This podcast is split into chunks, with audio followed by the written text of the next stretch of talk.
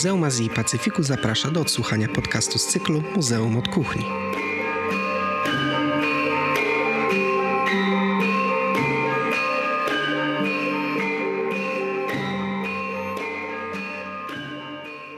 Listopadzie otwieramy długo oczekiwaną przez wszystkich wystawę czasową, która nosi tytuł Muzeum A po co? Jak sam tytuł wskazuje, wystawa ma być próbą odpowiedzi na to, po co w ogóle potrzebne są muzea, w jaki sposób prezentować eksponaty pochodzące z kultur geograficznie oddalonych od naszej i sąsiadujących z nią. Gościem trzeciego odcinka naszego podcastu muzealnego jest Barbara Banasik, kuratorka tejże wystawy, o której właśnie przed chwilą wspomniałem. Dzień dobry, Basiu. Dzień dobry. Basiu, chciałem Cię zapytać, skąd w ogóle wziął się pomysł e, na stworzenie wystawy stawiającej tak trudne pytania muzealnikom i publiczności? Kilka lat temu zaczęliśmy pracę i przygotowania do otwarcia wystawy stałej, e, której otwarcie już w przyszłym roku. I wtedy pojawiło się bardzo dużo pytań, bardzo dużo dylematów e, w całym naszym gronie kuratorskim. Zaczęliśmy sobie mm, stawiać te pytania, i ta wystawa jest właśnie trochę takim podsumowaniem tego, wokół e, czego nasze rozważania się obracały. To jest też próba pokazania, przed jakimi e, dylematami stają dzisiaj muzea i czego wynikają pewne wybory, z czego wynika to, jak wyglądają dzisiaj wystawy. Czyli można powiedzieć, że wystawa muzeum po co będzie swoistym preludium wystawy stałej. Tak, tak sobie to zaplanowaliśmy, dlatego też e, ta najbliższa wystawa czasowa jest takim przeglądem przez całą naszą kolekcję. Zobaczymy na niej obiekty ze wszystkich krajów Azji i Pacyfiku, prawie wszystkich krajów, które znajdują się w naszych zbiorach. E, pokazujemy tutaj też w związku z tym różne wątki nasze muzealne, naszej własnej historii, czyli jak powstawała nasza kolekcja. Mhm. Przybliżamy sylwetki tych kolekcjonerów dla nas najważniejszych i też odsłaniamy trochę taką kuchnię muzealną. E, pokazujemy, jak obiekty są znakowane, przechowywane, jak wygląda życie obiektów muzeum. Czy mogłabyś określić, jakie będą e, różnice między tymi dwoma wystawami? Oglądanie tych dwóch wystaw wspólnie to będzie wspaniała okazja do tego, żeby prześledzić rozwój muzealnictwa, tego jak zmieniało się podejście do wystawiennictwa w Europie. Na wystawie czasowej, która składa się z dwóch części, w pierwszej części posługujemy się takim modelem XIX-wiecznego muzeum, które podzielone jest na różne gabinety tematyczne. U mhm. nas będzie ich sześć, gdzie znajdują się obiekty z określonego tematu, czyli na przykład galeria malarstwa i rzeźby współczesnych, Natomiast wystawa stała to będzie już to współczesne wystawiennictwo, współczesne muzealnictwo. Mhm. Trochę opowiadamy o tym też na naszej wystawie czasowej, szczególnie w artykułach w katalogu, więc zachęcam od razu do przeczytania ich. Monika Stobiecka opisuje historię rozwoju muzealnictwa w Europie. I Opowiada tam o rewolucji, która się wydarzyła w latach 70. i 80., kiedy to powstał manifest nowego muzealnictwa, które miało odpowiadać dużo bardziej na problemy, na sytuacje społeczne, miało e, przedstawiać nie wiedzę narzuconą przez znawców, miało po prostu służyć społeczeństwu. Czy mogłabyś w takim razie powiedzieć jeszcze kilka słów na temat tego, jak, jak wygląda sama wystawa, w jaki sposób została zbudowana? Może powiesz jeszcze o tych y, pokojach, gabinetach, które znajdziemy na, na wystawie Muzeum A po co? Wystawa składa się z dwóch części. Pierwsza historyczna i druga problemowa. Każda z tych części kończy się pokojem, w którym możemy zatrzymać się na chwilę i przemyśleć to, co przed chwilą e, obejrzeliśmy. W części historycznej mamy sześć gabinetów: gabinet starożytności, galerię malarstwa i rzeźby, gabinet sztuki, zbrojownie, skarbiec, gabinet przyrodniczy. To są takie mm, mentalne repliki gabinetów właśnie tych proto-muzeów, tych pierwszych form publicznych kolekcji, które znamy już od renesansu i które były już e, obecne w tamtych czasach i dominowały właśnie w XIX i na początku XX wieku. I tam możemy obejrzeć obiekty z Azji i Pacyfiku, które w tych zbiorach dawnych mhm. się nie znajdowały, i my uzupełniamy ten brak, historyczny brak. Wstawiamy to, co powinno się tam znaleźć. A czego nie było? A czego nie było, bo obiekty z Azji i Pacyfiku znajdowały się w kolekcjach tych prywatnych, czy później tych państwowych, ale nie były pokazywane. Na przykład e, wiemy, że w Pompejach znaleziono rzeźby z Indii ale potem medyceusze nie w swoich ogrodach nie uwzględniali e, rzeźby z Indii. I zapraszamy do takiej gry e, z wyobraźnią i z historią i stawiania sobie pytań o alternatywną historię, czyli co by było, gdyby w tych ogrodach medycejskich Michał Anioł zobaczył też rzeźbę z Chin, z Indii jak wyglądałyby jego prace, czy byłyby inne. I tę pierwszą część historyczną kończy pokój interakcji. To jest e, taka przestrzeń pełna interaktywnych e, działań, gdzie zapraszamy e, i dorosłych, i dzieci, każdy znajdzie coś dla siebie, w której właśnie podsumowujemy tę historię muzealnictwa. I stamtąd przechodzimy przygotowani z całą tą wiedzą i z całym tym bagażem, wchodzimy do strefy problemowej, która pokazuje mhm. nam przed czym dzisiaj współczesne muzea stają, co wpływa na kształt wystaw, dlaczego pewne rzeczy są pokazywane, inne nie, a może co powinniśmy pokazywać, jak pokazywać. Zachęcamy wszystkich odwiedzających do próby odpowiedzi razem z nami na te wszystkie pytania. I ta strefa kończy się pokojem kontemplacji, na wzór właśnie tych renesansowych pokojów kontemplacji, gdzie spotykaliśmy się z dziełem sztuki sami w ciszy, właśnie po to, żeby go obejrzeć. E, wspominałaś też, że na wystawie jest tak zwany Easter egg. Nie wiem, czy chcesz e, to zapowiedzieć i wytłumaczyć o co chodzi, bo ja sam muszę powiedzieć szczerze, że nie spotkałem się jeszcze z, z tym um, określeniem, ale, ale już wiem o co chodzi. Mamy pewną niespodziankę dla zwiedzających. W samym zwiedzaniu będą pomagać Państwu pocztówki rozmieszczone w różnych miejscach na wystawie. One opowiadają o różnych problemach, o różnych tematach, zjawiskach związanych z prezentowanymi obiektami. E, zachęcamy też w nich do tego, żeby uważnie czytać podpisy przy obiektach, tak zwane metadane, czyli nie tylko tytuł autor, ale też to, co się znajduje poniżej, czyli na przykład prowienience obiektu. E, I tu właśnie taka niespodzianka, taki niepasujący obiekt, który nie powinien się znaleźć na tej wystawie mhm. i który nie powinien się znaleźć nawet w zbiorach naszego muzeum, tam umieściliśmy. I wskazówki znajdą Państwo właśnie w podpisach i w pocztówkach, więc zachęcam do szukania. Trzeba szukać. Ja też na pewno pójdę poszukać tego jajka.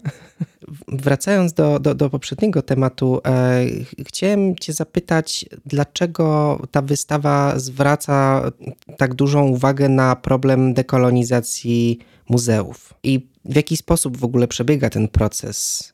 E, muzealnictwo, idea muzeów, takie jak znamy je dzisiaj, zrodziła się tutaj w Europie. E, zaczęła się e, bardzo silnie rozwijać w czasach kolonialnych.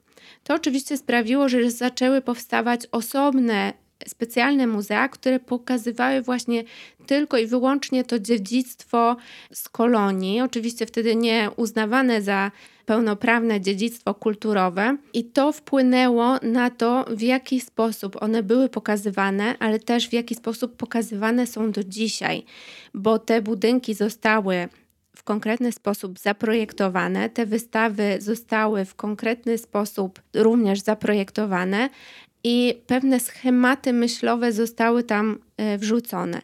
Więc dekolonizacja muzeów dzisiaj polega na tym, żeby zadawać sobie pytania o pochodzenie naszych zbiorów, o to, w jaki sposób je pokazujemy, w jaki sposób o nich mówimy.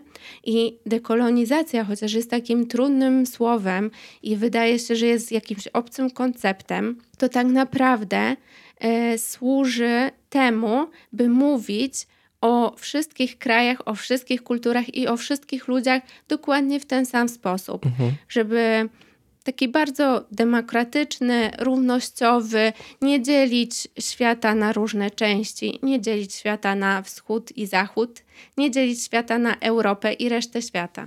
Tak, przychodzi mi na myśl od razu tutaj nasza, w naszych wewnętrznych rozmowach w muzeum, jak zawsze staramy się nie mówić bliski czy daleki wschód. To jest właśnie to, o czym mówisz, prawda? To dzielenie świata na różne części. Tak, te przywołane przez Ciebie terminy świetnie pokazują, jak nasze myślenie o świecie jest europocentryczne, czyli określamy położenie innych miejsc względem siebie. Daleki Wschód, czyli to, co jest daleko na wschód od Europy. Tak samo z Bliskim Wschodem. Tych określeń mamy bardzo, bardzo dużo. Piszemy o nich więcej również w katalogu, więc zachęcam do przeczytania. W jaki sposób w takim razie powinniśmy mówić na powiedzmy Bliski Wschód, czy, czy Daleki Wschód, Azja Południowo-Wschodnia, czy. Yy... Myślę, że yy, są dwa rozwiązania. Kierunkami Jed... geograficznymi, tak? Jedno to jest kierunkami geograficznymi, i wtedy mamy Azję Wschodnią, a drugie rozwiązanie to jest używanie nazw miejscowych, yy, takich, których stosuje się w danym regionie.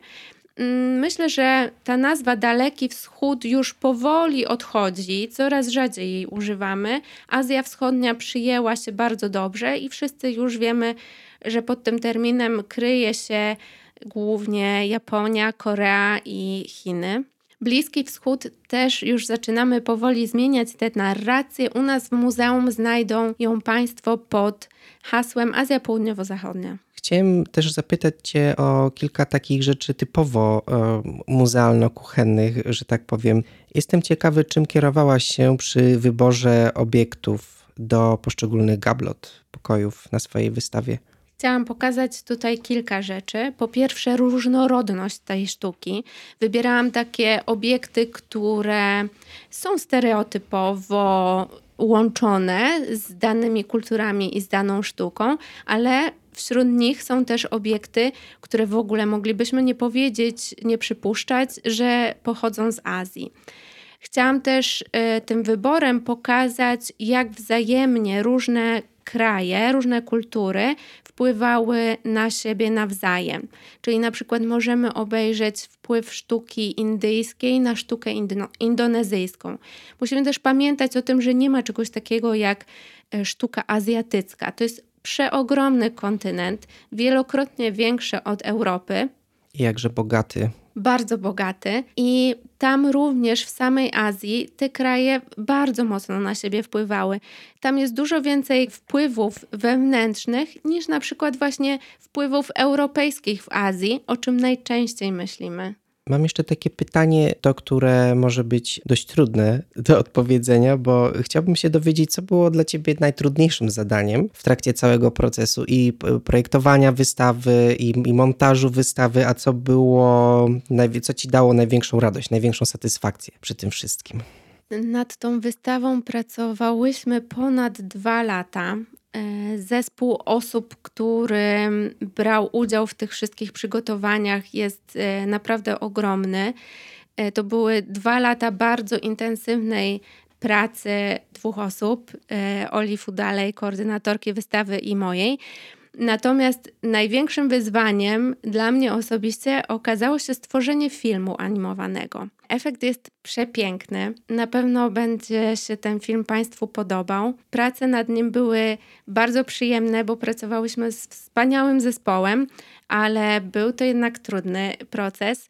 E, dla kuratorki wystawy, która normalnie opowiada zupełnie innymi środkami wyrazu, przerzucenie się na właśnie taką formę obrazowo-słowną e, było dużym wyzwaniem. Na pewno musiało być dużym wyzwaniem przedstawić takie naprawdę poważne i, skomplikowane tematy w taki sposób. No, film, podziwiam. E, film opowiada o historii muzealnictwa w pigułce jest y, bardzo krótki, ale mm, opowiada tę historię w sposób pełny. Znajdziemy tam wątki i ze świata, e, i z Polski. Jest zrealizowany właśnie techniką kolażu, która też odwołuje się do, do tej wystawy, która jest takim melanżem, kolażem, miksem różnych gatunków sztuki, różnych technik. No to w takim razie to była ta najbardziej, um, najtrudniejsza część. A, a co sprawiło Ci największą radość i satysfakcję? No już sam montaż wystawy jest niesamowicie satysfakcjonującym e, momentem, kiedy się e, widzi te wszystkie myśli i wyobrażenia, które nagle e, zyskują fizyczną formę. Mhm. Więc myślę, że ta wystawa na pewno się Państwu spodoba. Pewnie chodzi o samo umieszczanie już obiektu, na przykład w gablocie, tak? To jest pewnie takie uczucie, jak artysta podpisuje na sam koniec swój obraz i widzi już tą e, całość tego zamysłu. Mhm. W Indiach y, rzeźby są skończone w momencie, kiedy otwiera im się oczy. Oczy to jest ostatni element, który artysta maluje lub rzeźbiarz rzeźbi. E, I właśnie to spojrzenie, to otwarcie oczu i popatrzenie na świat e, z tej nowej perspektywy, to jest właśnie ten moment, który jest najbardziej satysfakcjonujący. Początek życia dzieła sztuki, tak? Jakbyś mogła jeszcze, Basiu, powiedzieć na sam koniec, do kogo jest skierowana wystawa?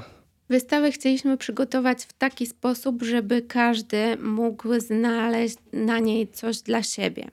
Więc y, zapraszamy e, oczywiście dorosłych, którzy będą mogli wykorzystać swoją wiedzę powszechną, wiedzę szkolną. Przetestować. Przetestować e, i też będą mogli razem E, z nami spróbować odpowiedzieć na te pytania, bo co istotne też w, tym, w tej nowej wizji muzeum, muzeum jest częścią społeczeństwa i odpowiada na problemy społeczne.